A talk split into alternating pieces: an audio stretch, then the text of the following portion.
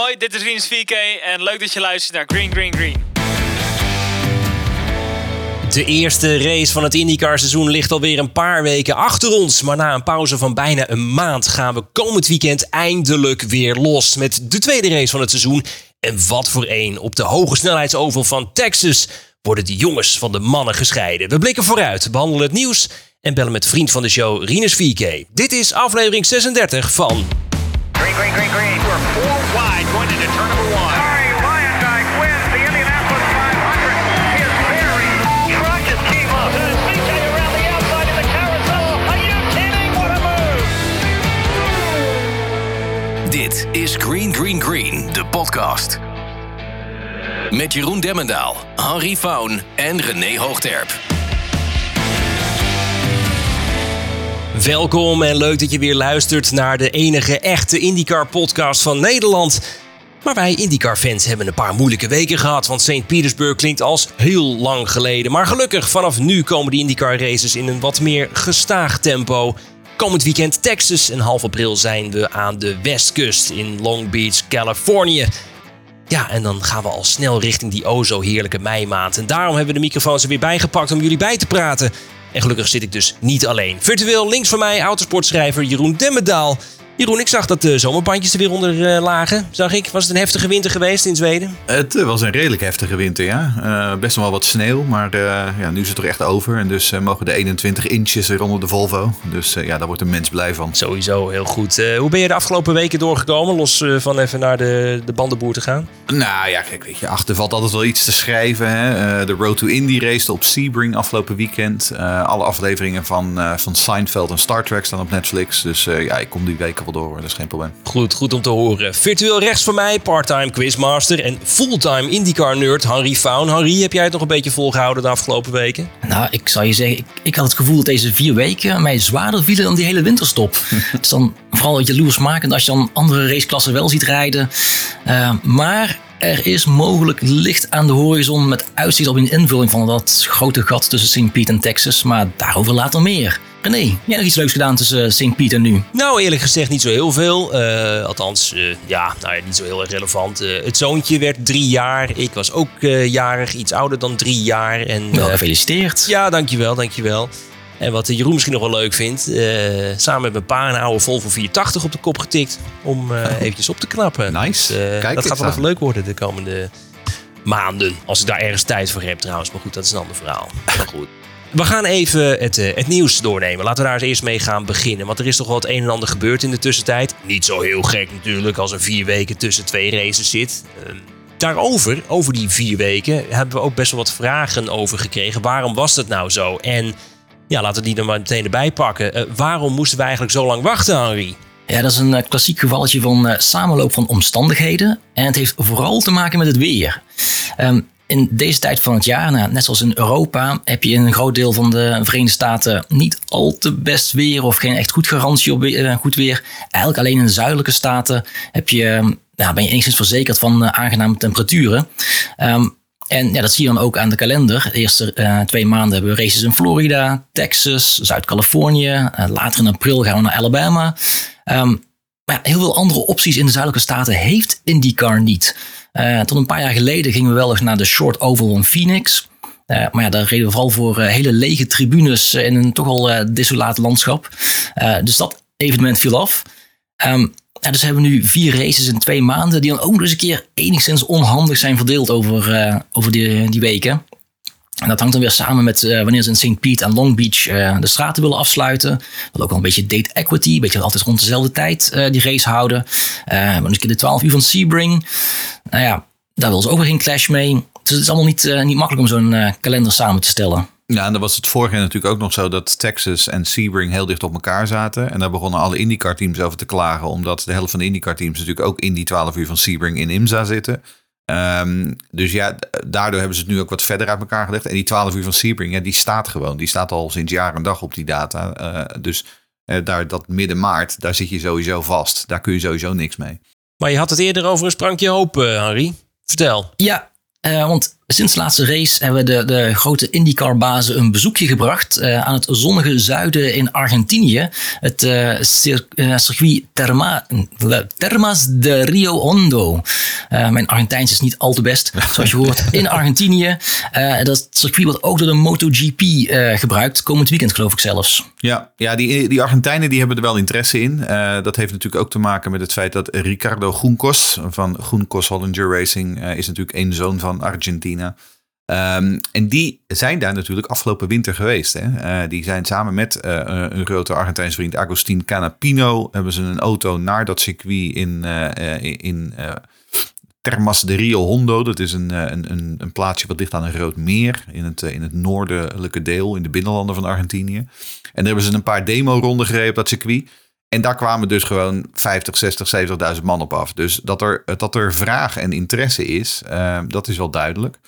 Um, overigens, voor wie zich nog de Grand Prix van Argentinië herinnert. Dit is dus niet hetzelfde circuit waar we in de jaren 90 Formule 1 reden. Want dat lag in een buitenwijk van Buenos Aires. Um, maar dit ligt dus in het noorden van Argentinië. En uh, daar is het doorgaans ook lekker warm, hè Henry? Klopt, ik heb even de weerman uitgehangen en uh, ik had gekeken. Vandaag was het er volgens mij een graadje of 32 of zo. Ideaal voor een, een uitstapje, denk ik, in het voorjaar en ideaal voor een race. Nou, tijd zal uitwijzen of dat ook daadwerkelijk zal gebeuren. En als ik zeg tijd, dan bedoel ik vooral eigenlijk geld. Want het gaat dan vooral om de transportkosten om naar Argentinië te reizen. Die moet de organisatie dan betalen, voorschieten. Plus natuurlijk de gebruikelijke inschrijfgelden en dat soort zaken allemaal. Um, maar ja, het zou echt wel een ideale invulling zijn voor het grote gat tussen die races, denk ik. Ja, goed door met uh, ander nieuws, want ook de teams hebben niet stilgezeten, hè Jeroen? Nee, uh, er is natuurlijk gewoon lekker getest de afgelopen weken. Want dat is natuurlijk het voordeel. Als je vier weken uh, niks te doen hebt, dan ga je testen. Um, en zo gingen er maar liefst 16 auto's naar Barber toe. Barber Motorsports Park in Alabama. Penske, Ganassi, Rail, Letterman Lanigan, Coin, Meyershank. Um, die waren allemaal daar. Um, nou, de Penske's die domineerden, dus dat belooft nog wat voor die race eind april. Um, wie er niet was, uh, was inderdaad Ed Carpenter Racing. Um, maar Ed Carpenter Racing die heeft zijn testdag bewaard, want die willen later dit jaar op een van de ovals gaan testen, waarschijnlijk Gateway. dus die richten zich daarop. en ja, we, hebben vorig natuurlijk uh, gezien op Alabama. de ICR gaat daar wel redelijk als de brandweer, dus je moet kiezen. Um, en dan uh, dat, de, een baan als dit, die, kun je dan achterwege laten. Um, wie er trouwens niet was op Barber, dat was dus Jack Harvey. Uh, die had die hele zware crash in St. Pete, waarbij die gelanceerd werd. Uh, maar hij had nog geen medische goedkeuring. Nou, hij heeft inmiddels heeft hij die, die bel gekregen. Dus in Texas is hij er gewoon bij. Um, maar we weten dat, um, dat Harvey toch wel gewoon uh, twee jonge uh, Europeanen in zijn nek heeft hijgen. Namelijk Yuri Vips en Linus Lundqvist. Yuri Vips was in Barber als vervanger van, van Harvey. Was veertiende van de 16 rijders. Dus ik bedoel, daar sloegen ze bij Reon ook niet helemaal stijl van achterover. en Linus Lundqvist, dat is ook bekend geworden afgelopen weken. Die gaat um, op 3 april, dus dat is de maandag na de race op Texas, gaat hij testen op die oval in Texas. Um, en dan denk je van, hè, waarom gaan ze Linus Lundqvist nou testen op die enorme, verschrikkelijke, super enge oval in Texas? Nou, dat is natuurlijk omdat hij de Indy Lights kampioen is. Dus ze weten bij Rail al dat die jongen kan rijden op road and street courses. Wat ze nog niet weten is hoe goed hij is op een grote oval. En nu komt het. Bobby Rahal die vertelde aan de Zweedse televisie dat ze van plan zijn om Linus Lundqvist ergens later in dit jaar in één of twee races in die auto te zetten. En of dat dan een extra auto is, of dat dat de auto van Harvey is, nou, dat gaat de toekomst uitwijzen. Maar uh, dat Baker Jack uh, niet helemaal comfortabel in zijn stoeltje zit, dat is wel duidelijk. Dat is uh, zeker iets om in de gaten te houden. wie wel comfortabel in een stoeltje zitten zijn Catherine Legg en Ryan Hunter Ray. Zij werden de afgelopen weken aangekondigd voor de Indy 500. Uh, Catherine Legg gaat in de extra inschrijving, dus in die vierde auto waar Jeroen net over had, van Rail Letterman Lanigan uh, plaatsnemen. Die heeft volgens mij eerder deze week uh, het stoeltje gepast. En Ryan Hunter Ray, de winnaar van 2014, maakt zijn rentree in de tweede auto dan van Dreyer en Reinbold. Het team wat de laatste jaren voornamelijk alleen maar in die 500 rijdt. Uh, naast Stephen Wilson gaat hij rijden. En daarmee hebben we dus in ieder geval nu al een vol veld van 33 inschrijvingen. Ja, en dan is natuurlijk de grote vraag, gaan we nog bumpen? En krijgen we er nog een 34ste of een 35ste bij? Er zijn nog wel wat kanshebbers, maar op dit moment ziet het er niet heel erg veelbelovend uit. Uh, overigens gaat Catherine Leggy ook op die maandag na Texas uh, testen. Dus dat is op diezelfde testdag als Linus Lundqvist. Um, je zei het al, ze heeft haar stoeltje al gepast. Uh, maar het is natuurlijk voor Cat al wel een flink aantal jaar geleden dat ze voor het laatst in een IndyCar zit. Dus die, die moet een refresher test doen. Ehm, nou, dat doet ze dan op Texas. Ze zijn lekker efficiënt bezig bij Rail Letterman. Heel goed. Nou hadden we ook nog vier weken tijd dat we een relletje hadden in Autosportland. En die was er gelukkig. Um, dus strikt genomen was het dus al buiten IndyCar om. Maar wel met een IndyCar sausje. Henri? Ja, we maken een uitstapje naar IMSA. We doen het net al, de Amerikaanse sportscars. Uh, daar rijdt nou, de helft van het IndyCar-veld heeft er ook een team. Onder andere Meyer Shank Racing. Um, die wonnen afgelopen januari met een Acura uh, de 24 uur van Daytona. Uh, daar zaten toen Elio Castroneves en Simon Pagenaud onder andere achter stuur. Uh, alleen is nu aan het licht gekomen dat ze de zaak behoorlijk hebben geflest. Um, dat is uiteraard weer een uh, technisch verhaal met specialiteit, zoals je weet. Uh, het zit zo, um, er zijn um, minimale bandenspanningen waarmee ze moeten rijden. Die mogen ze niet uh, hoger hebben. dat wordt dan digitaal bijgehouden. En nu heeft een van de slimme. Nou, niet lager hebben, vooral. Dat is het, hè? Niet lager hebben. Ja, ja. excuses. Um, zie je, daar ga je alweer techniek, hè? ze mogen dus niet met een te lage bandenspanning rijden. En het systeem waarmee ze dat dan automatisch doorgeven, dat is, dan noemen we het gehackt of in ieder geval gemanipuleerd door een slimme techneut van, techneut van MSR. Um, en uh, daardoor konden ze, dat ze met te lage bandspanning reden, niet worden ontdekt. En dat is eigenlijk dus gewoon heel bewust vals spelen. Dan denk je, dan worden ze dus achter, achteraf alsnog gedisqualificeerd. En niet helemaal. Ze mogen de overwinning en de gekregen Rolexen houden. Ze krijgen wel een boete. Ze moeten het prijsgeld inleveren. En de verantwoordelijk engineer is geschorst. Um, maar wat het nou helemaal uh, smeuig maakt, is dat het juist Honda, de eigenaar van Acura was, die de overtreding ontdekte en heeft aangegeven bij IMSA. Dat kan toch niet heel erg goed zijn voor de relatie tussen Honda en Meyer Racing. Um, anders geformuleerd, ik denk dat daar nu iets meer spanning in die relatie zit dan in de banden van MSR. Uh, ja, het is wel een ongelooflijk verhaal. Hè? En uh, hadden we het in de vorige podcast over uh, die ene discutabele overwinning van Elio Castroneves. Dat, dat sterretje wat we misschien bij een van die vier overwinningen kunnen plaatsen bij de Indy 500. Nou, die heeft hij ook misschien een sterretje staan bij een van zijn in, nu in totaal drie overwinningen in uh, Daytona. Maar je kan je natuurlijk ook wel voorstellen dat ze misschien bij Honda wel hebben gedacht van ja, maar luister eens, wij willen hier eigenlijk gewoon niks mee te maken hebben. Dat ze daarom de boel aangemeld hebben. Ja. Um, of zei het trouwens dat die engineer geschorst was, maar ik dacht dat ze hem helemaal zelfs de laan uit hadden gestuurd. Als ik, maar, als ik uh, Michael Shank goed begreep. Ja, hij is door IMSA geschorst en door uh, Shank ontslagen. En zogenaamd wist Shank zelf helemaal nergens van. Dat geloven we dan maar op zijn blauwe ogen. Yeah. Trouwens, over uh, IMSA gesproken heeft nog iemand in het bijgebrek aan uh, IndyCar nog die 12 uur van Sebring gezien. Want daar knalden de nummers 1, 2 en 3 uit de hoogste klasse op elkaar. En daardoor reed Scott McLaughlin in een LMP2, dus de nou, na hoogste klasse, uh, naar een derde plek op het podium. Ja, en dat was inderdaad bij het ingaan van turn 3, dat iemand over het gras uh, stuitte en bij de rest naar binnen reed. En dat gebeurde afgelopen weekend in uh, de Road to Indy, gebeurde weer exact hetzelfde. Ook met drie, vier auto's die alle drie, of alle vier zo de baan afkleunden. Um, ik zag het, uh, het clipje van de 12 uur van Sebring inderdaad voorbij komen op Twitter. Uh, dat was heel erg lelijk. En uh, die commentatoren die konden echt niet geloven waar ze naar zaten te kijken. dus zoek het op. Goed, tot zover het nieuws. Tijd om vooruit te blikken. Allereerst naar komend weekend in Texas. De machtige anderhalf mijl oval waar we in het verleden geweldige races gezien hebben.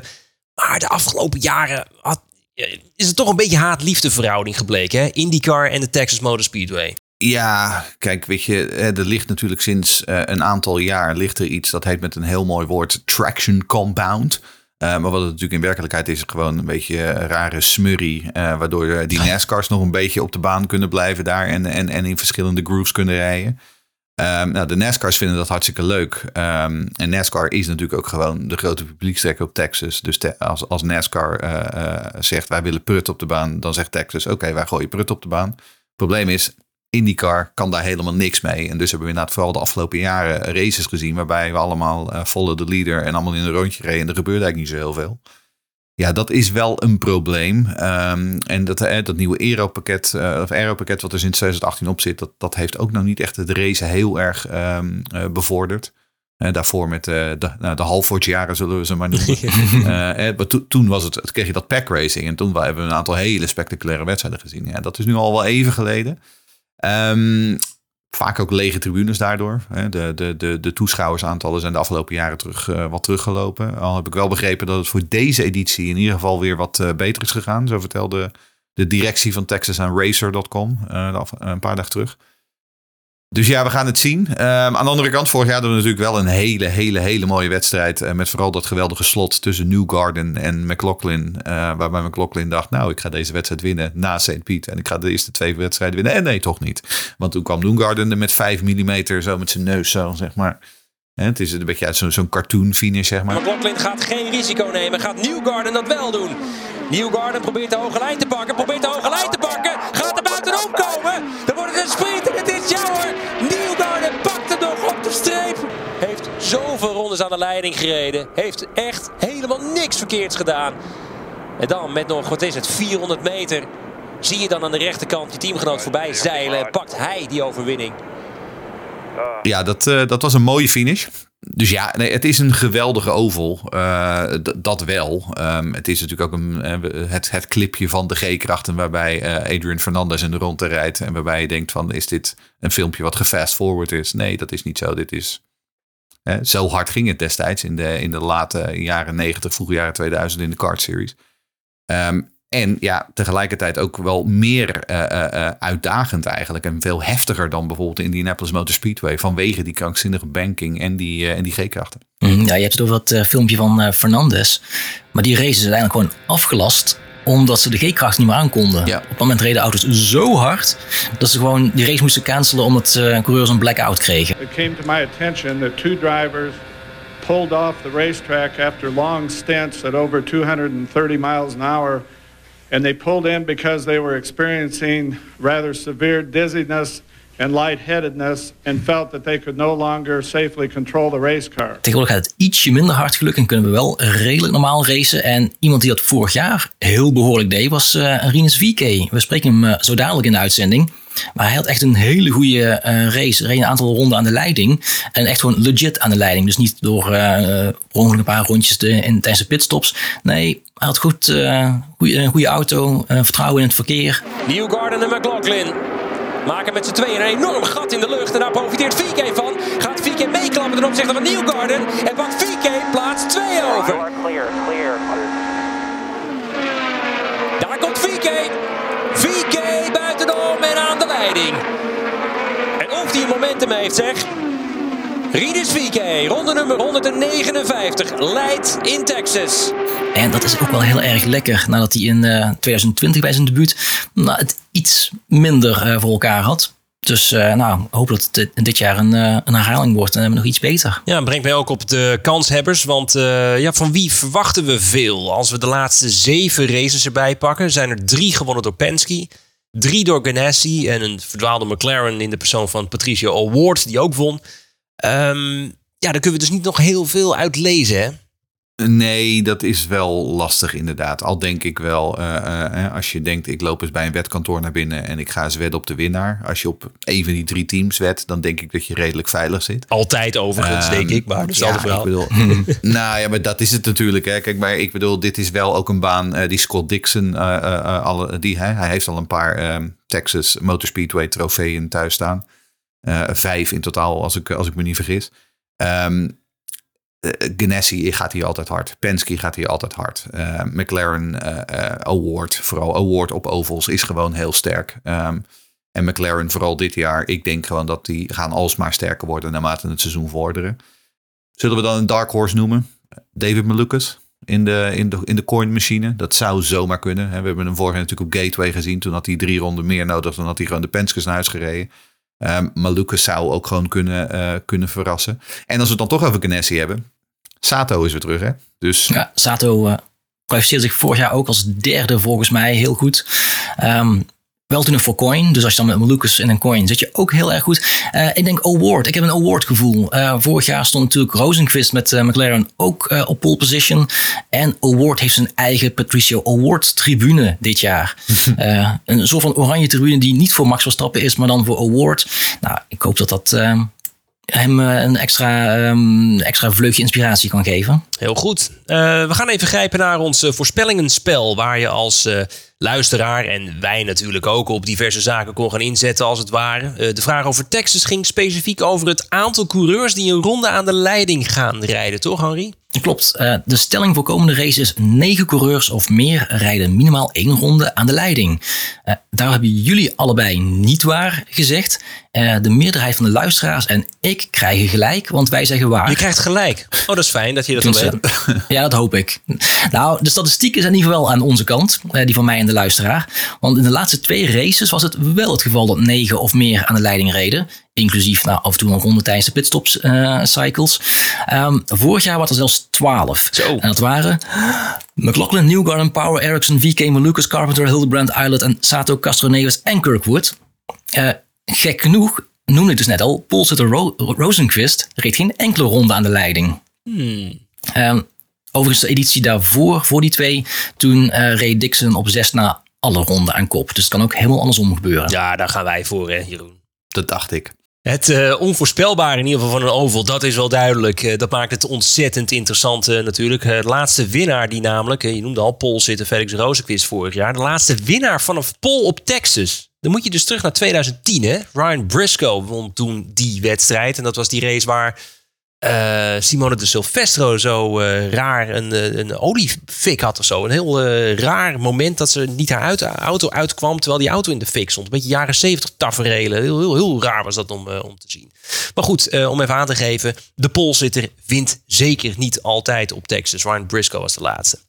Ehm, ja, moeten we dus vier weken wachten tussen de eerste en de tweede race van het seizoen. Na Texas hoeven we gelukkig minder lang te wachten. 14 dagen later gaat het veld namelijk zo'n 2000 kilometer naar het westen. Als we aankomen in Long Beach, Californië. Ja mannen, Long Beach. Dat is toch wel een autosportmonument van je welste. Ja, is toch mooi. Meest prestigieuze race na de Indy 500. Hè, eh, Monaco van, eh, van Amerika. De Queen Mary, de Fontein. Sinds 1984 op de kalender. Ik bedoel, de achtertuin van Snoop Dogg. wat, wat, wat valt er niet... Hè? Wat valt er niet te genieten aan Long Beach? Kom nou toch, jongens. Oh, dat is waar Pagino zijn auto inzette. Dat was de achtertuin van Snoop Dogg. Precies. Ja, nou, hopelijk heeft eh, Snoop Dogg weer wat nieuw gras geplant. Dan, eh, dan kunnen ze daar weer verder. Nee, het is echt dit is natuurlijk een klassieker. eh, Long Beach. Eh, eh, ze hebben ook zo'n, zo'n ehm, eh, als je daar gewoon door het jaar heen gaat, hebben ze al die tegeltjes in de grond liggen met alle winnaars. En dan zie je dan gewoon een, een, Mario Andretti, eh, eh, John Watson, eh, het record uit de Formule 1. ehm, dat hij eh, vanaf de 22e plek heeft gewonnen. Altijd de laagste eh, startpositie. Nee, het is een klassieker. Ja, het is de tweede stratenbaan van het eh, seizoen. Maar eh, als je het moet vergelijken met St. Petersburg, het heeft wel een compleet ander karakter. Hè? Ja, dat is een beetje een, een technisch verhaal. Goh. Maar, een, ja, maar een, een belangrijk verschil heb ik mij laten vertellen door Benjamin Bradsman, eh, de engineer van ehm, eh, Scott McLaughlin. Nou, niet persoonlijk, dat heb ik gewoon gelezen van hem. is dat je in St. Pete, dat zijn snellere bochten. Long Beach zijn wat langzamere bochten. En dan besteed je dus meer tijd in een bocht. En dat is dan weer een heel groot verschil tussen eh St. Pete en Long Beach. Ook het gripniveau is anders. Nou ja, dat mag ik hopen. Eh, Tenminste, dat de grip iets beter is dan tussen de bocht eh, 2, 3 en 4 in eh, St. Pete, waar het zo eh, misging een paar weken geleden. maar het vraagt dus een hele andere setup. Dus je hoeft geen herhaling te verwachten van wat we in St. Pete hebben gezien. Daar kunnen zometeen weer hele andere eh, eh, mannen vooraan staan. Eh, al is natuurlijk Andretti wel altijd vaak, eh, altijd eh, sterk op uh, straatcircuits. Ja, absoluut. Eh, kijk, als, ik, als je denkt naar eh, Long Beach vroeger, eh, als, als klein jochie, dan speelde ik IndyCar Racing of IndyCar Racing 2. En dan was Long Beach altijd mijn favoriete stratenbaan. Maar je noemde, Jeroen, je noemde die fontein. Maar ik heb hem eerlijk gezegd, ik ben nog echt liefhebber van dat je eerst rechts-links gaat. De, de, de Ja, eerste ja. chicane. Ik, Ik ben een beetje klaar met die fontein. Mhm. Ik heb ook halverwege de uitzending het idee dat ik naar het toilet moet. Omdat je dit ding telkens soort... eh, ik vind het maar helemaal niks. Geef mij maar gewoon lekker die oude. Maar goed, we zijn ook een beetje oude mannen volgens mij. Nou, het is natuurlijk ook wel een baan die inderdaad al 38 keer van layout veranderd is, inderdaad. Ja. Eh, kijk, en de oude IndyCar Racing 2 layout, ja, die ken ik ook nog heel goed. Ehm, en ik heb, eh, ik, ik heb straks hebben we nog een YouTube kijktip. Eh, ik, een kleine teaser, die is gelinkt aan Long Beach. Ehm, en die, en die eh, heeft natuurlijk met die oude baan van doen. Ehm, Maar ja, ik vind die fontein wel mooi. Het is wel een unieke feature. Je vindt het nergens anders. Ehm, kijk, in, in Miami leggen ze voor de Formule 1 een nephaven aan. Kijk, hier hebben ze gewoon een echte fontein. En als je, zoals Pagino denkt van... nou, ik, ik heb even met mijn zakje pokon uh, even, even dat gras ommaaien. Voor je het weet hang je opeens in die fontein. Kijk, en dat is natuurlijk wel het unieke aan zowel IndyCar, maar ook aan Long Beach. Mm, ja, en je hebt de Shoreline Drive. Die echt gewoon een Shoreline Drive. Dus je rijdt echt langs het strand af. Ja. Ik bedoel, we hebben natuurlijk Zandvoort wat aan het strand ligt. Maar even nog wel een, een duin tussen. In, in Long Beach dan rij je gewoon echt nou, bijna over de zandkorrels. Nee, absoluut. Nee, het, is, het, is, het is een geweldig plaatje. En uh, ja, laten we ook hopen dat, uh, dat we een goede wedstrijd gaan krijgen, of krijgen. Want als we terugkijken in de geschiedenisboeken, dan zien we dat in het verleden toch wel vaak een Honda-feestje is geweest. Uh, Newgarden won uh, vorig jaar voor het eerst sinds Simon Pagenaud won in zijn kampioenschapsjaar 2016. Uh, in 2018 en 2019 was Alexander Rossi herenmeester voor Andretti. Het jaar erop, toen het nog de seizoensafsluiten was. We zouden het bijna vergeten. Won Colton Hurta, ook voor Andretti. Dus je zei het al, Henri. Andretti is eigenlijk altijd kanshebber op stratencircuits. En zeker hier in, uh, in Long Beach.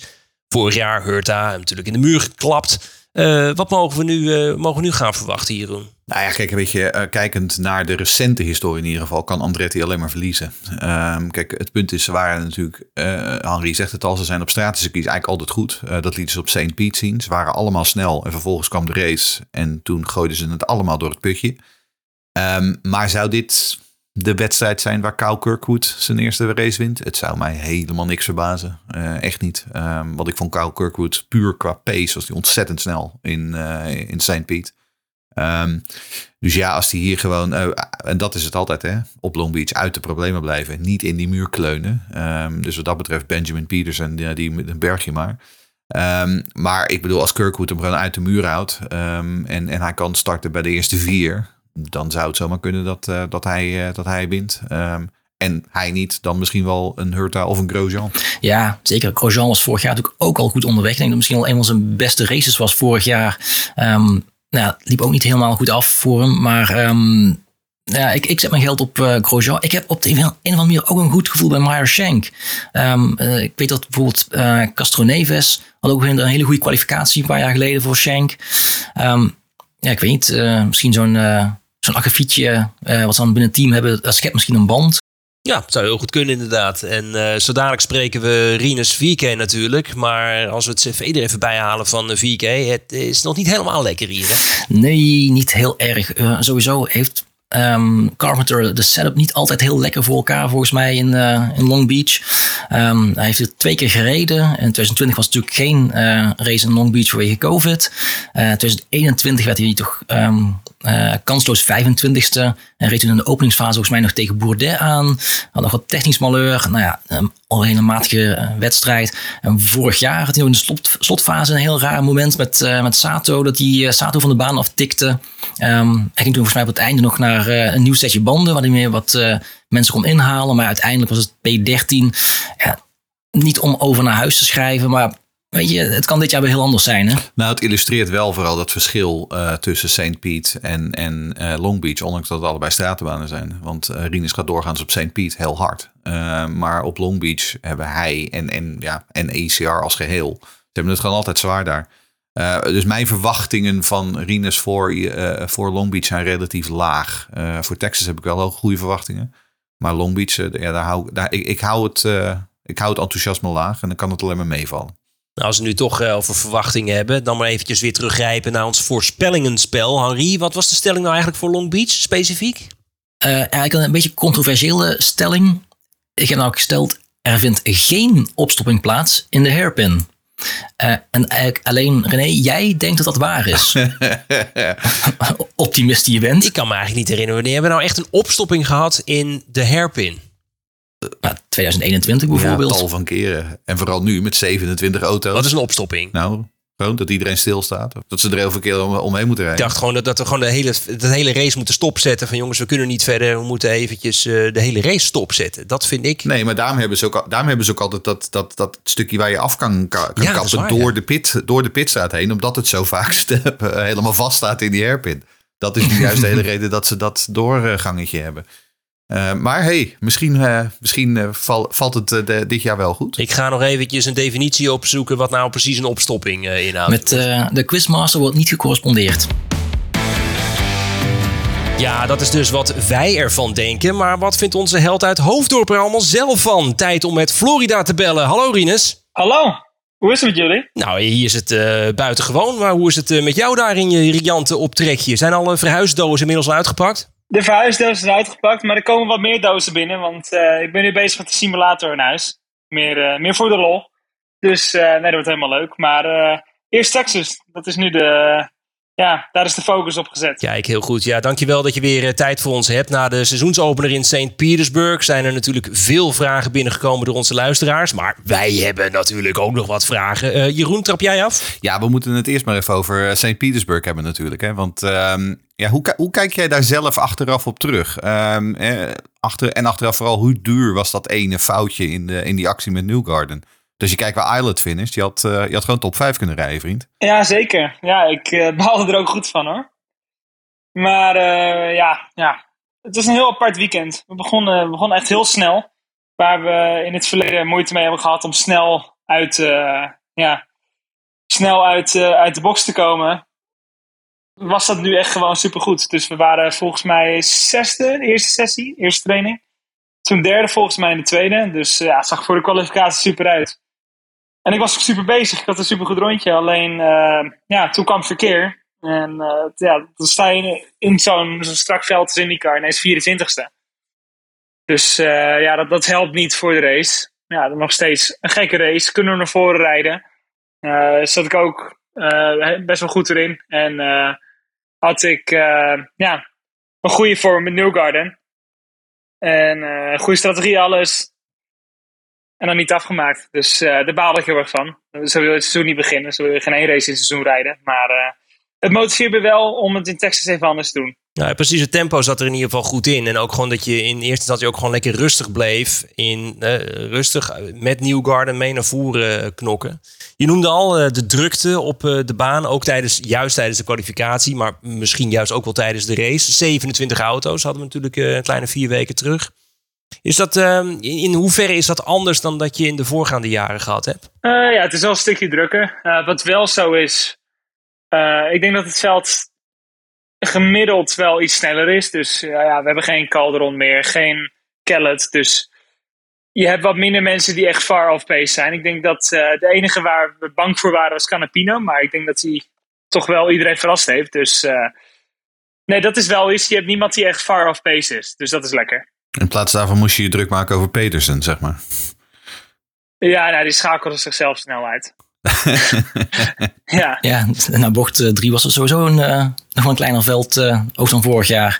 Zo, ja, dat is niet normaal. Hey, even heel iets anders. Eh, streep onder eh, St. Piet, ehm, wat vorige maand natuurlijk ook heeft plaatsgevonden, was het debuut van jouw eh, docu-serie op eh, Prime. Eh, hoe, hoe zijn de reacties geweest? Ja, supergoed. Eh hele leuke reacties gehad. Ook heel veel nieuwe fans erbij. Maar ook juist voor de fans eh, leuk om het achter de schermen te zien. En ik zie ook, eh, ja, zeker nu ik iets begin te eh, plaatsen op social media met die cowboyhoed en met die laarzen. Het- omdat er natuurlijk ook wel een shot over was en een, scène. Ja, vinden mensen dat toch leuk en kunnen ze, ja, kunnen ze toch wat meer inleven. Dus heel leuk. Heb je ook reacties vanuit de paddock al gehad? Of vanuit het IndyCar wereldje zelf? Ja, iedereen wil het heel graag zien. Alleen het is natuurlijk Amazon Prime Benelux. Dus daar baalt iedereen van. Dus ik, ik heb stiekem aan iedereen binnen het team een, eh, CD-rommetje? een linkje gegeven. zijn wel illegale dvd'tjes aan het, eh, aan het verkopen vanuit je achterbak, of niet? dat heb ik binnen het team gedaan. Ook omdat iedereen er binnen staat. Maar eh, ja, voor de rest. Hopelijk is het zo'n succes dat, eh, dat het eh, in Amerika gezien gaat worden. Maar eh, voor, nu, eh, ja, voor nu alleen naar de Benelux. Maar het valt in ieder geval heel goed. Hey, en als we nou toch bezig zijn met uh, docu's. Uh, jullie zijn natuurlijk daar in Amerika ook bezig met die uh, 100 Days to Indy. Um, en jouw um, documentaire is alleen in de Benelux. Maar die is volgens nog alleen in Amerika, voor zover ik weet. Ja. Krijgen wij die in Nederland ook nog? Van wat ik heb gehoord, kan iedereen, iedereen die een televisie heeft, kan het zien. Over de hele wereld. Volgens mij zit er geen geobox overheen of iets. En ik weet omdat ze samenwerken met Vice. Vice is natuurlijk wereldwijd. Kan je daarop zien. Dus volgens mij wordt het, um, wordt het uitgezonden over de hele wereld. Alleen ik weet niet of je, of je terug kan streamen. Dus eh, dat, is, dat is nog wel een klein vraagje. Maar volgens mij, eh, volgens mij moet iedereen blij zijn. En anders eh, ontvangen we graag het CD-rommetje weer. Dus, eh. Ja, nou ja, precies. en wat hebben ze ook al? Heb, heb jij al een beetje met ze gefilmd? Heb jij al eh, scènes met ze opgenomen? Ik nog niet. Eh, ik weet dat ze meer met Ericsson, Palou, ja, een beetje de, de, de succesvolle jongens van de afgelopen jaren natuurlijk in die 500 Indica kampioenschap. Daar zijn ze mee bezig geweest. Willpower. En eh, ik denk dat ze nu een beetje moeten kijken tijdens het seizoen wat zij leuk vinden om te filmen. Ja, ik begreep van eh Connor Daly, dat is, ze hebben hem ook al geïnterviewd, dat hij wat eh, pittige dingen over Ferrucci zou gaan zeggen. Zei hij zelf. Ja, dat, dat kan wel. Ja, Colin die, Colin die vindt het niet zo moeilijk om pittige dingen te zeggen. Nee, dat geloof ik. Ehm, hey, ehm, komend weekend, Texas eh, en even daarna Long Beach. ehm, waar kijk je nou het meest naar uit? Ja, toch wel Texas. Omdat ik, ik wil daar gewoon goed doen. Ik wil daar even een versie 2 van de seizoenstart eh, doen. Gewoon even overdoen. En eh, daar heb ik ook even een tijdje op moeten wachten. Maar ik heb er wel heel veel zin in om gewoon een goed resultaat neer te zetten. Ik weet dat Texas vorig jaar heel goed ging. Zeker. En nou, dan hadden we natuurlijk ja, net iets te weinig benzine om, eh, om door te blijven racen. Op het laatste gedeelte van de race.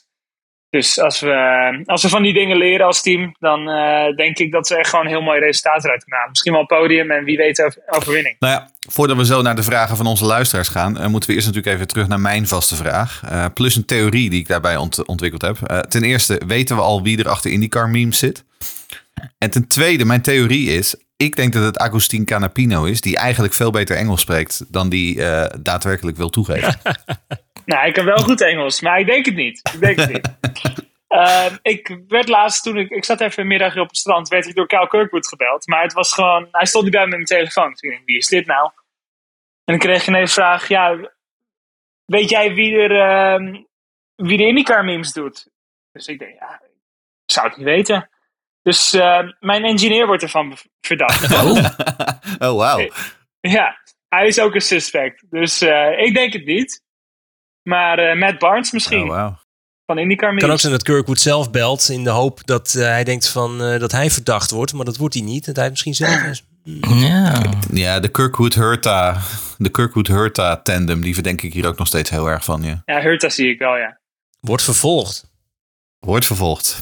Dan gaan we naar de vragen van onze luisteraars. Ehm, nou, Remco Hadders, eh, die gaat eh, meteen terug naar 2020, want we hebben het over Texas. Erg gezellig. Gezellig. Oh jee. Dus Rinus, in aanloop naar Texas, spoken de herinneringen van je debuut nog wel eens door je hoofd?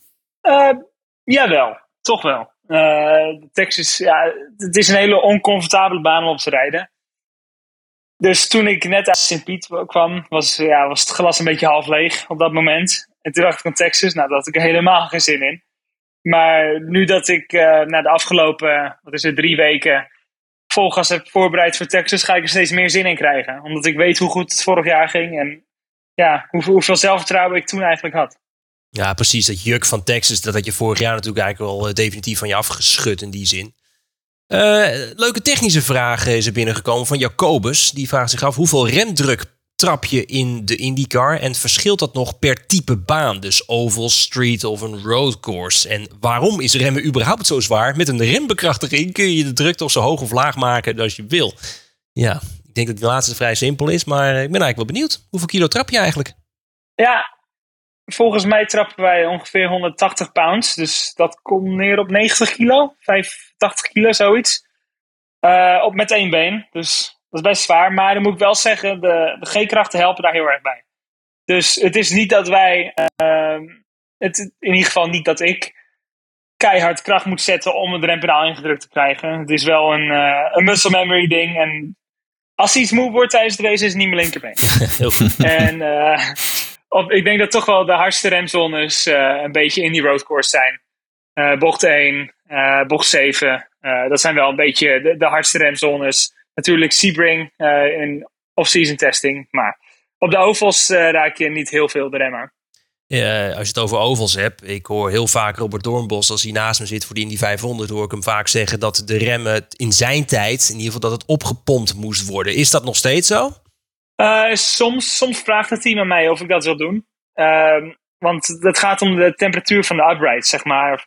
Waar eh, de hele, ja, de remmen aan vastzitten, zeg maar. Hoe ze aan de ophanging vastzitten. dat kan soms heel, heel eh, warm worden omdat er iets aanloopt. Dus als ik dan even rem, komt er weer eh, ehm, ja, wat, wat ruimte tussen de remblokken en de remschijf zelf. Maar zelden. Het is dat ik het zelf een beetje doe af en toe. Maar op zich, eh, op Texas tik je hem in de race nog wel eens aan. Heel goed. Leuk eh, die technische vragen trouwens, Jacobus. En laat ze komen. Mhm, dus tijdens de race is het never skip leg day. Nee, zeker. Nee, ik, ik ben heel sterk op mijn linkerbeen. Alleen, eh, Zo'n heel klein stokje aan je rechterkant. ja, rechts is altijd wel een beetje tegen dan.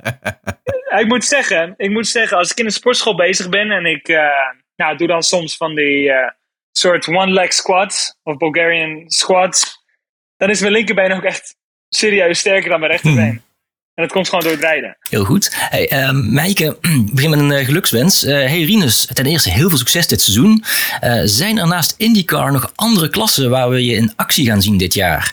Je hebt natuurlijk al de Rolex 24 gereden, maar kun je nog in andere dingen verwachten dan alleen de IndyCar? Nou, dankjewel allereerst. En eh, nee, ik ben niet van plan om iets anders te rijden. Zeker niet tijdens het IndyCar seizoen. Omdat ik echt wel een beetje ja, gewend wil blijven aan mijn positie. En, en gewoon de, de G-kracht van de IndyCar. Misschien natuurlijk eh, online.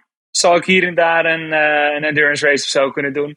Maar eh, nee, in, in de, de echte wereld zal je hem alleen binnen de IndyCar zien de rest van dit jaar. Helder. Eh, Arjan Robol, die is meer van de financiën. Want die wil weten, rij je wel eens met prijzengeld in je hoofd? Dus ga je daardoor nog net iets verder als je bijvoorbeeld op P6 rijdt en je kunt P5 pakken? Of juist andersom, dat je denkt, nou ik blijf wel op P6 zitten, want dan heb ik mijn centjes binnen. En voor P5 is misschien heel veel risico. Eh, telt dat mee? Eh, niet echt eigenlijk voor mij. Eh, voor mij gaat het resu- resultaat gaat voor. En ja, als er, eh, als er eh, prijsgeld is en ik pak, pak een goed resultaat, wat natuurlijk mijn doel is, dan komt dat vanzelf wel. Dus eh, mijn doel is gewoon het beste eruit halen. En als ik dat doe, dan, eh, ja, dan komen die checks ook wel binnenkomen. Gelijk heb je. Eh, dan hebben we nog een vraag van Tom McJones. Die eh, stelt hem eigenlijk aan ons allemaal, maar ook aan jou. En hij wil weten, is er een verschil tussen de jongens die uit de Europese uh, raceschool komen en de rijders die uit de Road to Indy komen? En hij wil dan weten, wat is het beste? Dan weet ik niet hoe je het beste definieert. Kijk, ik kan me voorstellen dat als je van de Road to Indy komt, dat je in ieder geval een groot deel van de banen al kent.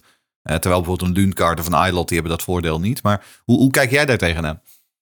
Ehm ja, is even moeilijk te zeggen, want eh, kijk, als je naar een kijkt, die zat dan bij Junkos toen het, toen het nog een beetje tegenviel. Ehm, ik, ik denk dat er wel een verschil tussen zit, ja. Eh, de Road to Indy rijders vind ik vaker wat completer, ook voor de Amerikaanse rijstijl.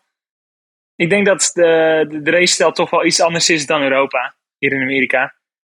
Iets harder, maar ook wel iets, eh, ja, er is toch wel wat kameraadschap tussen, tussen elkaar en er zijn wat meer ehm, gentleman agreements. Dus ik denk dat, dat die jongens uit Europa er wel een klein beetje aan moeten wennen. Maar ehm, ja, ik denk toch wel dat, eh, dat zeker die ervaring in Amerika op Amerikaanse bodem wel helpt voor de jongens die de Road to Indy hebben gedaan. Ja, dat merk je met Grosjean nog wel eens, hè? dat die racestijl een beetje anders is. Ja, maar volgens mij eh, is dat de Franse race ik weet niet wat het is. Uh, hey, Monique Boormans wil weten, uh, Rinus, heb je wel eens in een Formule 1 auto gereden, uh, real-time of virtueel?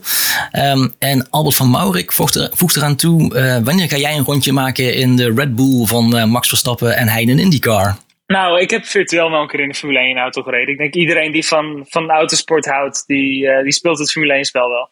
Uh, dan heb ik ooit ook wel in mijn vaders uh, oude, toen hij nog een Formule 1 auto reed, uh, Benetton van 1997, had ik graag in willen rijden. Alleen hij wilde het niet, omdat die auto toch wat minder veilig was uiteindelijk. Dus, nou ja, dan maar een IndyCar. Dan maar een IndyCar. ja. ja, ik vind het... Ik, het lijkt mij heel leuk om een, een, uh, een stoelswap bij Max te doen een keer. Ik denk, ik denk niet dat hij er ooit komt, maar het lijkt me wel heel gaaf. Ah, je moet hem even bellen, joh. Komt vast goed. ja. Hey, um, voordat we hier uh, gaan laten gaan, hebben we in ieder geval nog één tijdsmachinevraag van uh, onze grote vriend Dennis Broekhart. Um, hij vraagt: Als jij de tijd terug kon draaien, in welke tijdsperiode zou je dan willen racen en waarom? Goeie vraag. Ik denk toch eind jaren 80, begin jaren 90 toch wel een tijd met Ayrton Senna, Ellen Prost. Eh, Roberto Moreno, die ook mijn rijderscoach is geweest een tijdje.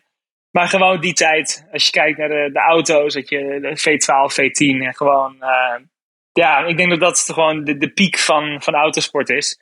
In Formule 1 en IndyCar. Uh, natuurlijk ook met Arie kunnen rijden. Dat is toch wel, eh, ja, eigenlijk alle, al mijn idolen van vroeger zijn van die tijd. Dus eh, ja, ik zou zeker die tijd kiezen. Dat is het correcte antwoord, Rinus. Hey, eh, Rinus, eh, tot slot ehm, hebben wij eh, eh, Green Green Green het eh, voorspellingenspel. Ehm dat spelen we met z'n drieën en met de luisteraars. Ehm, en ook dit jaar hebben we weer een aantal stellingen over jou in het spel. En ehm, nou, we, we hebben wel we weten wel wat, eh, wat de luisteraars eh, denken. Eh, maar ik wil ook wel even checken wat jij eh, over je eigen seizoen voorspelt. Ehm, allereerst, hoeveel overwinningen verwacht jij dit jaar te gaan scoren? Uh, hoeveel ik er verwacht? Oh, dat is uh, moeilijk hè. Ik zeg twee. Twee. Ja, Noteren we. Dat zou ik zeker voor doen. ja. Ja, we zullen je er niet aan houden, maar we kunnen ook niet garanderen dat het niet eh, nagedragen wordt. Nou, we mogen dromen. Ehm, ja, de luisteraars waren een beetje conservatief, die houden het op één. Eh, moet ik wel als kanttekening bijzetten dat bij de vraag wie wint de Indy 500, dat je daar wel als meeste werd genoemd. Dus als dat die ene is, denk dat het ook best een leuk seizoen is. Denk het ook wel. Ja. Ik, ik ging ook wel van de Indy 500 uit hoor. Dat was één van de twee, ja. En de andere vraag die we over jou hebben gesteld over jouw seizoen is eh, eh, de eindstand in het kampioenschap. Maar eh, wat, wat voorspel je? Mijn positie in het kampioenschap? Ja, je eindstand in het, jouw eindpositie. Ja. ja, ik denk zeven of achtste. Oké, okay, nou je zet nog net... Dat denk ik. Ja, dat zou heel mooi zijn. Moet ik eerlijk zeggen, je zet er ietsjes hoger in dan de, dan de luisteraars gemiddeld. Die hadden gemiddeld plek 9. Maar alsnog Vind ik ook is er nog een verbetering ten opzichte van vorig jaar. Hey, en met die Indy 500 op zak, dan uh, is het sowieso een uh, geslaagd seizoen, toch? Zeker, zeker. Daar gaan we voor. Goed, uh, dankjewel uh, Rinus. En uh, heel veel succes de komende races. We spreken je hopelijk snel weer. Ja, dankjewel. En tot, tot de volgende. Hopelijk hebben we nog wat te vieren op de podcast. Goed man. Zou mooi zijn. Hey, veel succes heel hè. Goed, heel goed. YouTube kijktip. Dan is het tijd voor de YouTube kijktip. Uh, hoewel het nu weer lekker druk is met de IndyCar races, kun je nooit genoeg IndyCar kijken. En dus daarom de kijktip voor deze aflevering. En daarvoor geef ik graag het woord aan Jeroen. Je gaf net volgens mij al een tipje van de sluier weg. Ja, ik gaf al een klein tipje van de sluier weg. Nou, vorige keer had Henri natuurlijk uh, de Super Speedway race op Fontana. Uh, en toen dacht ik, ja, dan kan ik wel weer een Super Speedway race doen op Texas, 2015 bijvoorbeeld. Maar dat doe ik niet. Nee, ik richt me op de rijke historie van Long Beach. Want het wordt dit jaar druk met 27 wagens. Maar het kan nog gekker. Want voor deze kijktip reizen we terug naar de gouden periode van 1998. Toen, uh, wat toen nog heette de FedEx Kart Series. Uh, die deden Long Beach aan. En toen verschenen er maar liefst 29 auto's aan de start. Dit waren wel andere tijden. Vier verschillende chassisbouwers. Vier verschillende motorenleveranciers twee verschillende bandenfabrikanten. En wat een veld. Al Unser Jr., Bobby Rahal, Alex Zanardi, Greg Moore, Dario Franchitti, Paul Tracy, Michael Andretti. Nog veel meer grote sterren uit de rijke historie van onze sport. Um, ga ervoor zitten, want deze wedstrijd was 105 ronden lang spektakel. Zeven cautions, acht verschillende koplopers.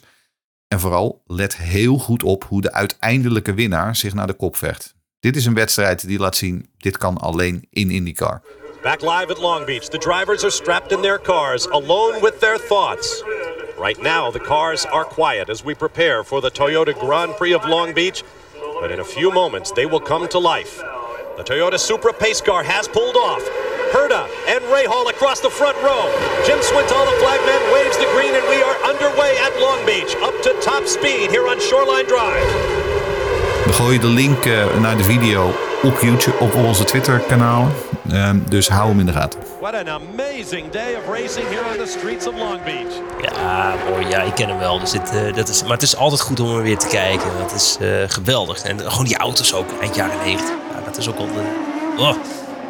Goed om te zien, goed om te zien. En, uh, dank voor deze tip. Uh, ja jongens, uh, dat was hem weer. relatief kort, maar toch ook krachtig. Na Long Beach zijn we er natuurlijk weer met een nieuwe show. Dan praten we na over die race en over Texas. En kijken we vooruit naar Barber en de Indianapolis Grand Prix, de roadcourse dus. Dus ja, de meimaand die komt steeds dichterbij. Tot die tijd, blijf ons volgen op Twitter via @indiepodcastnl voor het laatste nieuws. En natuurlijk niet vergeten om je livery in te leveren voor onze livery competitie in samenwerking met carclean.com. En maak kans op een schoonmaakpakket voor je geliefde automobiel of een van de Rinus VK Sonax petjes. Mannen, dank weer. Eh, jij bedankt voor het luisteren. En tot de volgende keer. Yo. Bye bye.